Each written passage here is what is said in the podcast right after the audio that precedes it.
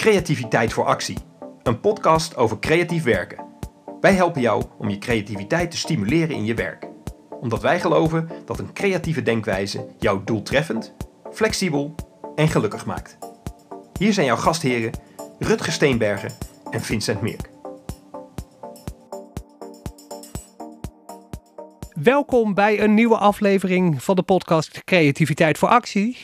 Naast mij, nou naast mij, op het scherm naast mij, maar in werkelijkheid elders in Nederland zit Vincent Merk. Vincent, welkom bij aflevering 2 van de podcast. Daar zijn we weer. Heel goed. Mensen kennen ons nog niet helemaal, dus misschien kun jij nog even kort voorstellen. Wie ben jij, wat doe je? Ik ben Vincent Merk. Ik geef trainingen en advies over creativiteit en communicatie. Ik uh, schrijf van alles en nog wat. Ik doe aan improvisatietheater en ik uh, ben bezig met het uitgeven van mijn, van eerste boek over creativiteit dit jaar. Heel mooi. Nou, ik ben Rutger Steenbergen, marketeer, muzikant, dromer, plannenmaker. Ik, ik vraag mezelf één keer in de zoveel tijd af wat ik nou eigenlijk ben. En dan ga ik weer een andere kant op. Maar meestal heeft het wel te maken met marketing, copywriting. En ik geef ook trainingen. Daar kennen wij elkaar van. En zo is ook het idee ontstaan voor deze nieuwe podcast aflevering 2 van de podcast. Op de eerste aflevering hebben we leuke reacties gehad. Misschien kun jij er nog iets over zeggen, Vincent? Niet alleen leuke vragen, maar ook een heleboel uh, fijne reacties. Uh, mensen vonden het kort en krachtig. Dat was ook een beetje ons doel, hè? actiegericht. Dus niet urenlang bomen, maar gewoon hapklare brokken afschieten. En dat gaan we deze week ook weer doen. Waar gaan we het over hebben, aflevering 2 van de podcast? Nou, in het intro hoor je al, wij geloven dat creatief denken jou doeltreffend, flexibel en gelukkig maakt. Dat uh, kun je natuurlijk uh, leuk zeggen, maar het is ook wel even goed om het daar dan iets uitgebreider over te hebben. Dus vandaag hakken we hem in drie stukken. We gaan het hebben over doeltreffend, flexibel en gelukkig.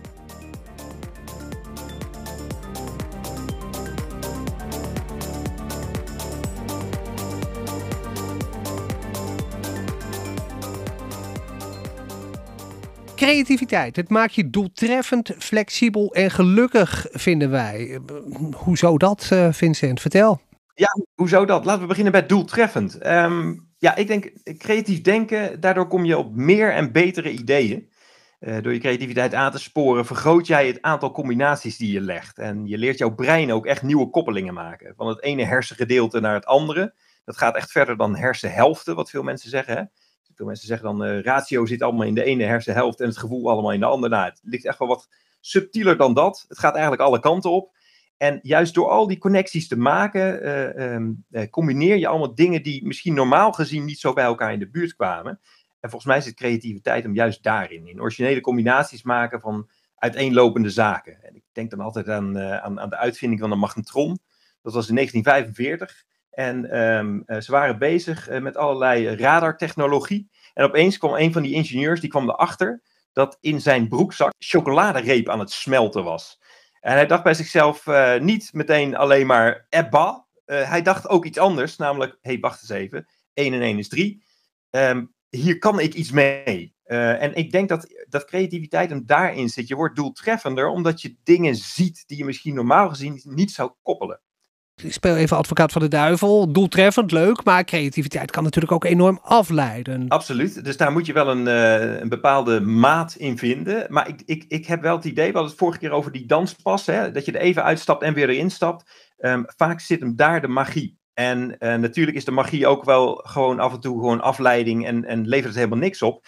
Maar als je hem bij voorbaat uh, afsluit, dat je dus echt zegt, ja, ik ga daar niet aan beginnen. Hè, de, die creativiteit is alleen maar gedoe, ik ga keihard doorwerken. Ja, dan zul je op een gegeven moment ook echt je, jezelf en de muren echt wel tegen gaan komen. En dan komen de onmogelijkheden op een gegeven moment op je af en zie je het niet meer. En de, de mogelijkheden die komen vaak sneller tevoorschijn als je eventjes eruit stapt of even um, die creatieve mindset uh, uh, aanzet. En doeltreffendheid zit hem dan in het aspect dat je breder kijkt dan alleen maar dat ene ding waar je nu mee bezig bent. Want het zou zomaar kunnen, kunnen zijn, hè, het beroemde verhaal van uh, degene die uh, met het ronde wiel aankwam zetten.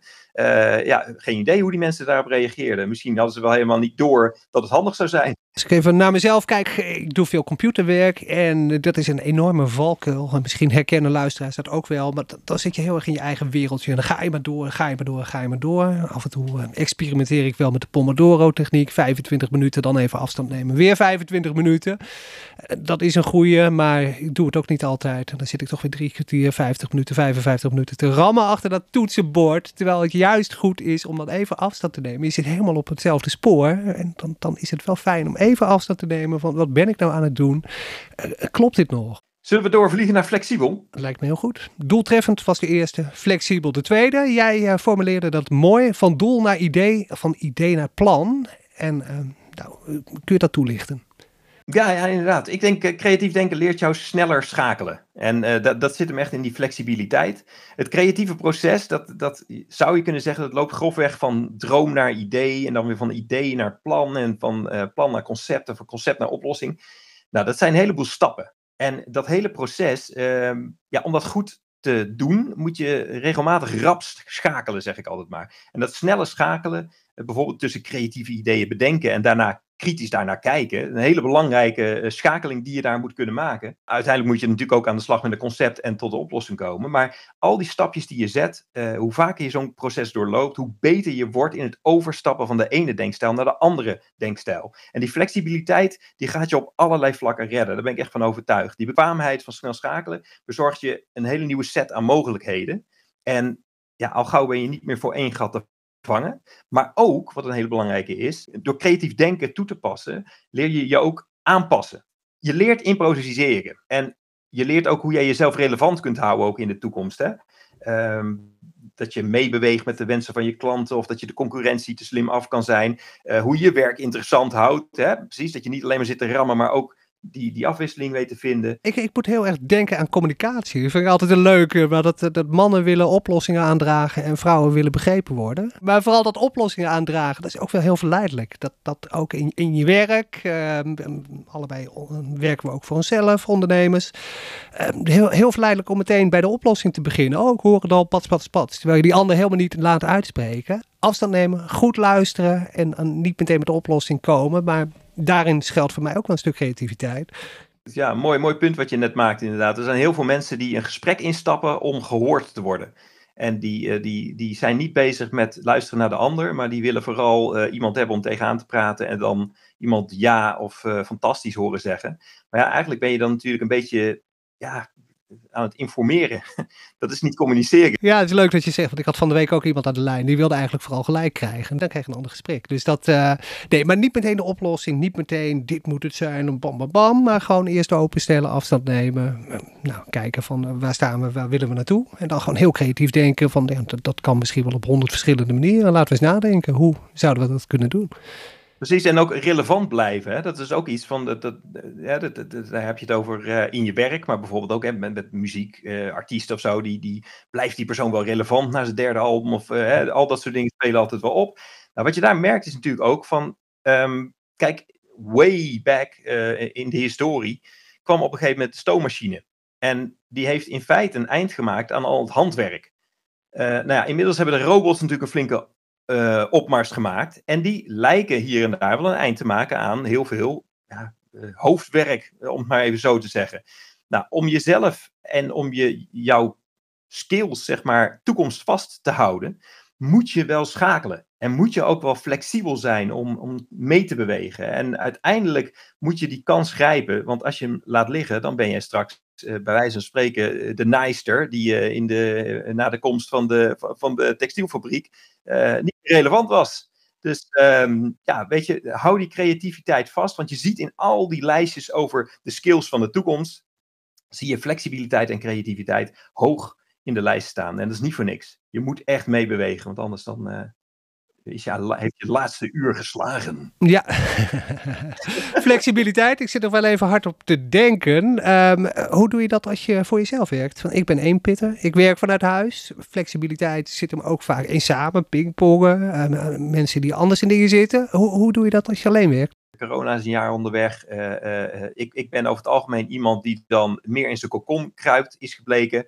Maar ik vind het dus heerlijk om op afstand toch die samenwerking te zoeken. Ehm, even heel, heel, heel flauw gezegd, deze hele podcast had niet bestaan als wij niet eventjes een beetje heen en weer aan het pingpongen waren op LinkedIn en we tot het idee kwamen om dit toch gewoon door te zetten. Ondanks het feit dat ik het eigenlijk misschien nog net iets meer wilde voorbereiden of wat dan ook. En jij had zoiets van, joh, ik heb al gezegd dat we het gaan doen. dat, ook dat, ehm, die, die verschillende minds die dan samenkomen, uh, dat kan alleen werken als we er allebei flexibel in gaan zitten. En uh, dat soort trajecten vind ik altijd heel interessant. Want flexibiliteit valt of staat bij openstaan. En uh, als je niet open staat, dan, dan, ja, dan gaat het op een gegeven moment ook vastlopen. Want dan zie je op een gegeven moment uh, alleen maar nog maar je eigen ideetjes, je eigen hersenspinsels. En laten we eerlijk zijn, als je steeds uh, heen en weer loopt in dezelfde gang, ken je elke hoek. En het heeft ook zo in je eigen hoofd geldt dat ook. Um, als je hem nooit openzet voor andere in, ingevingen of andere ideeën van, uh, van, van mensen om je heen, ja, dan blijf je gewoon rondjes lopen in je eigen circus. Aflevering 2 van de Creativiteit voor Actie podcast. We hebben het over uh, waarom zou je creatief zijn en waarom zou je de tijd en energie insteken. Twee punten hebben we behandeld. Uh, het maakt je doeltreffend, vinden wij. Maakt je ook flexibel. Een belangrijke ja, competentie tegenwoordig. Flexibel, snel kunnen schakelen. De maatschappij verandert snel. De komende decennia, nou jaren waarschijnlijk, gaat het nog veel sneller veranderen met alle kunstmatige intelligentie en alles wat er nog op ons afkomt. Uh, het maakt je ook gelukkig um, vinden wij. Vertel. Creativiteit stimuleert je te denken in oplossingen. Waar we het net ook al een beetje over hadden. Kijk, in je werk en je persoonlijke leven kom je natuurlijk allerlei obstakels en problemen en uitdagingen tegen. Creatief denken houdt je in principe op het positieve pad. Hè. Zorgt ervoor dat je in meer mogelijkheden gaat denken. Je bekijkt situaties, bepaalt de doelen, je verzint ideeën en je lost de problemen op. Kijk welk gedrag daar nodig is om dat doel te bereiken. Daarbij hebben wetenschappers ook nog vastgesteld dat het proces van creatief bezig zijn ook heel fijn kan zijn op zichzelf. Dat je daar net zo gelukkig uh, en plezierig van kan worden uh, als het bereiken van de doelen. Uh, dat heeft allemaal de samenhang met het magische begrip flow. Dat is de staat waarin je je bevindt als je helemaal in je element zit. Hè? Als ja, noem het maar de perfecte balans tussen uitdaging en skills. Um, en in het begin bij creativiteit kan dat heel, voor heel veel mensen onwennig voelen. Hè? Van ja, creativiteit, ik kan dat nog niet zo goed. dus de uitdaging is enorm als je in de flow zit, dus als skills en uitdaging op elkaar afgestemd zijn, ja, dan is het een soort gevoel alsof je zweeft, alsof dingen vanzelf gaan, alsof je niet te stoppen bent. Je zit in de groove, in de flow. Of zoals jij dat mooi zei vorige keer, Rutger, uh, je voelt dat je leeft. Hè? Die, die, hoe meer jij de creatieve skills leert, hoe groter de uitdagingen zijn die jij aan kan. In plaats van hoe groter de uitdagingen zijn waar je tegenop kijkt. En dat vind ik een mooie twist die creativiteit jou, uh, jou kan opleveren. Hoe zie jij dat? Ja, ik vind het heel mooi hoe je dat omschrijft. Dus dat, uh, en, en, en, en als je ideeën hebt, ja, ik noem het inderdaad de vorige keer het gevoel dat je leeft. Ik, ik zat gisteren nog een clipje te kijken op YouTube, Herman van Veen, 75 jaar. Die was bij Matthijs van Nieuwkerk en met de dames van Eugene en met een rapper erbij. En dat, die hele big band erachter. Wauw, ik vond het echt, echt fantastisch. Echt alleen maar vier minuten ja, ik, ik bloei daar uh, gigantisch van op. Um, goed, andere mensen zullen dat misschien hebben bij kunst of bij uh, een mooie film die je ziet. Dat kan van alles zijn, maar dan zul je vast dat gevoel ook kennen van... Bij film trouwens ook. Ik had vroeger een bioscoopkaart als ik dan echt een toffe film had gezien, dat ja, echt het gevoel van het is niet de sleur, je bent er echt even uit. En um, ja, het gevoel dat je leeft. En, en, en dat zit hem wel in creativiteit. Kan creativiteit voor jezelf zijn, maar ik kan ook enorm genieten van andere mensen die creatief zijn. Die een, een, een, scenario bedenken voor een film. En dat super slim uitspelen met, met goede acteurs. Of um, ja, dat soort kleine dingen. Kan ik enorm van genieten. Ja, nee, het is ook inderdaad die inspiratie van anderen. Dat is ook iets wat je gigantisch gelukkig kan maken. En um, ja, dus zelf creatief bezig zijn of het ontvangen van anderen, dat is, uh, in beide gevallen uh, kan het je geluksgevoel enorm opstuwen. Gelukkig maar. Misschien ook goed om dat voor jezelf uh, bij te houden. Momenten waar je gelukkig van wordt, qua werk, qua privé. En houd dat ook, houd dat ook bij.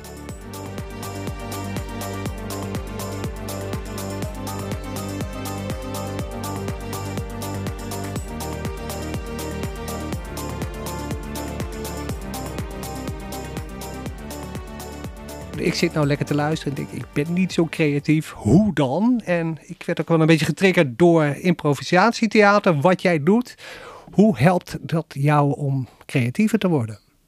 improvisatietheater, uh, daar ben ik ooit mee begonnen omdat ik ontzettend veel respect had voor de mensen die ik dat zag doen. Die, die zaten daar uh, ter plekke leuke dingen te bedenken en zo. En ik had zoiets, ja, dat kan ik natuurlijk helemaal niet. Want ik ben echt wel, ik ben een liedjeschrijver onder andere, dus ik schrijf graag dingen uit. En daarna durf ik ze echt wel hardop uh, voor te lezen en te delen met mensen. Maar die voorbereiding, dat was voor mij echt wel een ding. Nou, op een gegeven moment um, belandde ik in zo'n training en ja, ik bleek daar ontzettend veel lol aan te beleven. Gewoon um, het, het feit dat je gewoon zonder script een podium opstapt stapt en daarna maar gewoon gaat doen wat in je opkomt, dat is iets, ja, iets, iets waar je gewoon van tevoren van uitgaat dat het alleen maar mis kan gaan. En dat is dus ook zo, in feite. Uh, het kan alleen maar misgaan, dus je maakt je er geen zorgen om en gaat het goed. Um, ja, dit, en niet altijd goed, hè? laten we eerlijk zijn. Uh, niet alle improvisatietheater uh, optredens uh, waar je gaat kijken zijn even leuk of grappig of mooi om, om te zien. Maar het, het feit dat je gewoon de rust kan hebben in het feit van jongens, als er iets misgaat, is dat niet erg. En we gaan gewoon daar iets mee doen, ter plekke. Je leert echt die flexibiliteit aan. En hoe mij dat geholpen heeft, ja, het is heel simpel. Als ik een PowerPoint aan het geven ben en alles stroom valt uit dan maak ik daar even een uh, opmerking over. Ik denk even verder, wat was het volgende ook alweer wat ik ging vertellen? En ik stel de mensen even gerust en ja, het zal weer goed komen. En als het niet goed komt, nou, dan gaan we toch door in het donker. Weet je, al dat soort dingen, um, als je niet meteen in paniek schiet en, en denkt, oh jee, alles gaat nu fout. Als je alleen al die eerste reactie, die eerste impuls kan tegenhouden, dan sta je al 1-0 voor. Mensen vinden het natuurlijk ook altijd wel fijn om een beetje in de comfortzone te blijven. Hoe stap je daaruit als dat niet zo in je zit? Um, ja, dat is toch ja, dat is een hele goede vraag. Mensen die zijn natuurlijk geneigd om altijd het veiligste van het veilige op te zoeken. Uh, maar als iedereen dat doet, uh, dan, dan, gebeurt er nooit meer wat leuks. Toch? Er komt er nooit meer een verrassing ergens tot stand. dan ga je alles dichttimmeren met processen en protocollen en etikettenregels. En um, ja, ik zeg altijd maar, als er ergens een ongemakkelijke stilte valt, dan is het benoemen van die ongemakkelijke stilte, daar, dan trek je de ongemakkelijkheid er eigenlijk alweer uit. Um, maar heel veel mensen doen dat toch niet. Van, oh jee, er valt een stilte. Laten we maar even niks doen. Uh, want dat hebben we zo afgesproken of zo.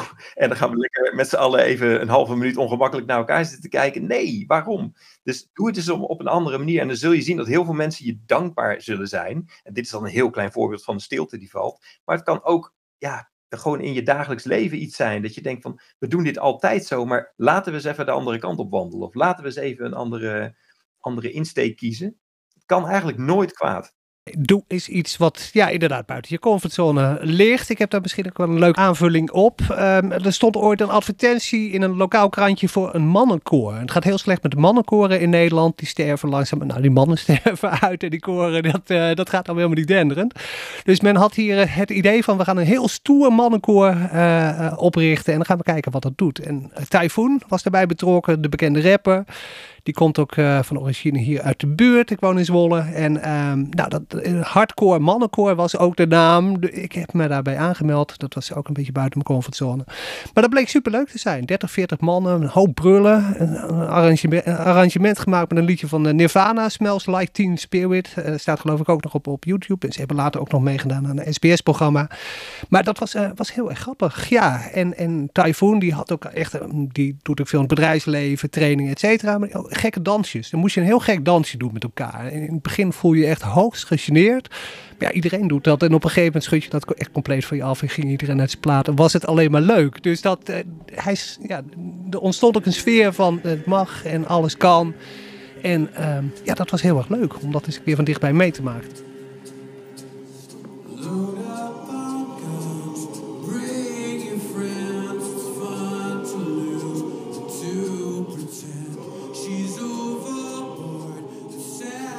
Ja, soms heb je ook even iemand no nodig om je hand vast te houden terwijl jij uit je comfortzone uh, stapt. En dat is in dit soort gevallen ook wel. Hè? Het is een groep. Uh, het, je, je, je, maakt daar met, met elkaar de afspraken dat het veilig is, dat je hier mag falen. Als het misgaat, is het niet erg. En ja, zoek die connectie op. Ook met een aantal collega's kan het ook prima. Of met degene die toevallig naast je zit op je werk of, of op een bankje in het park. Weet je, ehm, elk elke relatie tussen twee personen is ongemakkelijk begonnen. Onthoud dat. Weet je, niks begon zonder ongemakkelijkheid. kijk ook naar Boer zoekt vrouw. Kijk ook naar, naar First Dates. Waarom kijken we naar die programma's? Omdat we allemaal die ongemakkelijkheid willen zien. Maar de ongemakkelijkheid is het begin van het mooiste wat er is. Ja, mooi, mooi. Ik, hou ook heel erg van zelfspot. Mensen die zichzelf niet te serieus nemen. Dat, uh, volgens mij brengt dat, dat je uiteindelijk ook het vers in het leven. Dat, uh, geen pretenties. We maken er allemaal het beste van en we doen ons best. En uh, ja, soms mislukt dat jammerlijk. Maar dan moet je achteraf dan ook hard om kunnen lachen. Drie punten hebben we genoemd. Um, ja, waarom creatief zijn? Het maakt je doeltreffend, het maakt je flexibel en uiteindelijk gelukkig. Misschien ook leuk om nog wat praktijkvoorbeelden te noemen. Ik zag van de week iets voorbij komen op LinkedIn. Dat was een uh, bedrijf die maakt pasta. En die had uh, bij elke pasta die ze maakten of maken, hadden ze een playlist gemaakt op Spotify. Oh ja. Dus je had de, de Fusellini playlist en de Tagliatelle playlist. En nou, dat, dat, dat was heel creatief gedaan. En die hadden ook allebei heel veel Mm -hmm. Dus dat was heel, slim, heel slim aangepakt. Gamification moest ik ook aan denken. Dat, dat je ergens een, spelletje van maakt. Een spelelement zie je ook op LinkedIn. Als je profiel moet invullen, 40%, 60%, 80%. En nou, dan wil je uiteindelijk ook gewoon dat dat op 100% komt. De Friesland Verzekeraar, eh, die hadden ooit een, een spel voor helpdesk medewerkers. Friesland Heroes heette dat. En um, zij moesten de polis uit hun hoofd leren, maar dat hadden ze in een, uh, ja, in een spel gestopt. Um, binnen vijf weken. En uh, dat werkte dan ook met, met uh, battles en examens en punten kon je halen en afdelingen onderling, et cetera. En dat werkte dus ook heel goed. 90% van die medewerkers speelden ook dagelijks. Dus die kregen ook reminders en die deden elke dag wel iets met dat spel. 70% van hen deed hun werk ook beter en 80% vond het e-, effectief. Dus door dat in een spelvorm te gieten, nou, saai kost, de polisvoorwaarden waren veranderd. Maar dat hebben ze vertaald naar een online computerspel met punten, met bonussen, met een spelelement erin. En daardoor beheersten zij die stof beter en konden zij klanten gewoon beter helpen. Dus dat vond ik ook een creatieve oplossing voor een relatief saai onderwerp. Mooi, ja, zeker. Ja, ik ga toch eventjes naar uh, Amazon toe, uh, wat betreft dit voorbeeld. Um, daar loopt namelijk een, een baas rond uh, en, en, die Jeff Bezos. En die heeft zijn eigen manier om ervoor te zorgen dat dingen, uh, uh, dat, dat innovatieve ideeën niet direct afgeschoten worden. Hij heeft het namelijk extreem, extreem moeilijk gemaakt om ze af te schieten. Volgens mij moet je echt vijf, zes pagina's een, een, document invullen als jij een wild idee wat iemand bedacht heeft, um, als, je, als je dat niet wil doen. Dus um, hij, hij, heeft in feite, in feite, gezegd: iedereen, wie het ook is, welke rang of stand dan ook, als jij een goed idee hebt, een leuk idee dat hè, de klanten blij zou kunnen maken, uh, je schrijft alvast het persbericht. Dus je schrijft alvast wat je uiteindelijk naar de pers zou sturen, waarover ze zou zou, zouden kunnen schrijven. En je zorgt er ook voor dat je de belangrijkste en moeilijkste vragen eromheen ook al een beetje bedacht hebt en ook al hebt geprobeerd te beantwoorden. En als je dat dan neerlegt bij de innovatieafdeling, of bij wie dan ook, uh, dan, dan is in principe het standaard antwoord ja. En dat is ook mijn tip uh, voor, voor de mensen uh, die nu luisteren. Probeer eens een week lang als standaard antwoord ja te geven. En nee, niet op alles wat langskomt natuurlijk. Hè. Ik bedoel, laten we relaties en uh, alle andere dingen in stand houden. Maar probeer eens een keer als iemand naar je toe komt. Joh, ik heb een wild idee bedacht. zullen we het eens gaan doen? Ja, we eens even kijken wat hebben we nog meer nodig. In plaats van nee, geen tijd. Of nee, geen zin. Of nee, lastig. Of uh, nee, hoe moeten we dat dan doen? Of nee, techniek. Bedenk eens een keer, ja, waarom niet? Weet je wel? en, en ik vind het gaaf dat zo'n bedrijf het dan heeft doorgevoerd tot in de, in, in de vezels van het bedrijf. Dat ze ook echt zeggen van nee zeggen mag niet zomaar, daar moet je moeite voor doen. Maar ja zeggen, ja heb je in feite. Hè? In plaats van andersom. Nee heb je, ja kun je krijgen. Dat is, dat is heel mooi. Maar in feite zetten zij nog één stapje verder. In principe heb je al een jaar voordat je begint. Heel mooi praktische tips. Lijkt me goed om daarmee af te sluiten deze aflevering van de podcast. Waarom creativiteit? Heb jij nog een goede praktische tip voor de luisteraars? Ja, ik heb wel een praktische tip. Ik zou ze aanraden om de buitenlucht op te zoeken. Als je buiten bent, probeer dan eens even anders naar de wereld te kijken. Bijvoorbeeld, uh, loop eens een andere route. Uh, of loop dezelfde route, maar bedenk eens even hoeveel uh, elektriciteitskastjes staan hier. En goh, wat, wat, zou ik daarmee kunnen? Uh, zou ik daar iets origineels mee kunnen doen? Of, uh, hè, of, of uh, welke prullenbak ziet er het leukst uit? Ehm, welke lantaarnpaal is hier het langst? En welke ziet er, staat er het stoers bij? Probeer eens even met hele andere ogen naar je omgeving te kijken. En ga naar buiten. Ik denk ook met die wandeling wat je zei, ehm, je kunt kijken, uh, maar misschien moet je ook gewoon eens gaan ruiken. Dus wat ruik je allemaal of, wat, hoor je allemaal? Je hebt meer zintuigen dan alleen je ogen. Daar uh, zou je ook eens mee kunnen spelen. Dus dat, uh, ja, kijk eens met andere ogen. Ik ken ook een volwassene, die noemt dat altijd buitenspelen. Ik ga buiten spelen. Dat vond ik ook leuk. Gewoon als je 40 per geen gezuur, ik ga gewoon lekker buiten spelen. Dus dat vond ik een goeie. Ik heb ook een praktische tip. Um, stel eens 10 vragen voor hetzelfde. Vind ik altijd leuk. Dus uh, wat ik doe is vooral SEO, zoekmachine optimalisatie.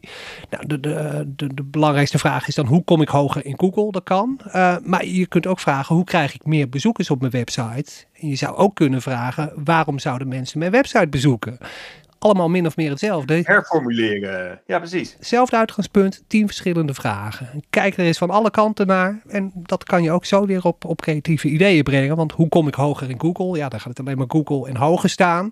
Maar die derde vraag, waarom zouden mensen mijn website bezoeken? Nou, die vind ik al een stuk relevanter en interessanter waarom zouden überhaupt mensen naar mijn website komen? En daar kun je dan wel eens een keer heel kritisch naar gaan kijken. Dus dat uh, formuleer het eens op een andere manier. Tien vragen voor hetzelfde uitgangspunt. En probeer op die manier eens creatief te zijn. Dat doet me ook denken aan de trainingen die ik vaak geef over uh, ja, mensen die gewoon beter willen leren schrijven. Eerste tip die ik ze altijd meegeef: schrijf meer dan twee, drie, vier koppen boven je artikel. Uh, heel veel mensen denken, ja, maar er staat er al één boven. Ik heb er al één bedacht, ik ben al klaar. Nee, want die wordt het meestal niet natuurlijk. Dus uh, zorg ervoor dat je drie, vier koppen bedenkt. En dan zul je ook zien dat de vierde veel creatiever is dan de eerste. Zo werkt het namelijk. Want de eerste paar dingen die in je hoofd opkomen, zijn meestal de meest voor de hand liggende. Veel goede tips, ook weer in deze aflevering. Ik heb zelf ook weer het nodige opgestoken. Waar gaan we het de volgende keer over hebben? Wij gaan het de volgende keer uh, hebben op veler verzoek over de innerlijke criticus. Hoe ga je daarmee om? Het is altijd voor veel mensen een worsteling, hè, dat je eh, het allemaal zo fantastisch of perfect mogelijk wil doen. Um, ja, hoe schud je die af? Daar gaan we het over hebben. Mooi, interessant. Ik kijk er alvast naar uit en tot de volgende podcast.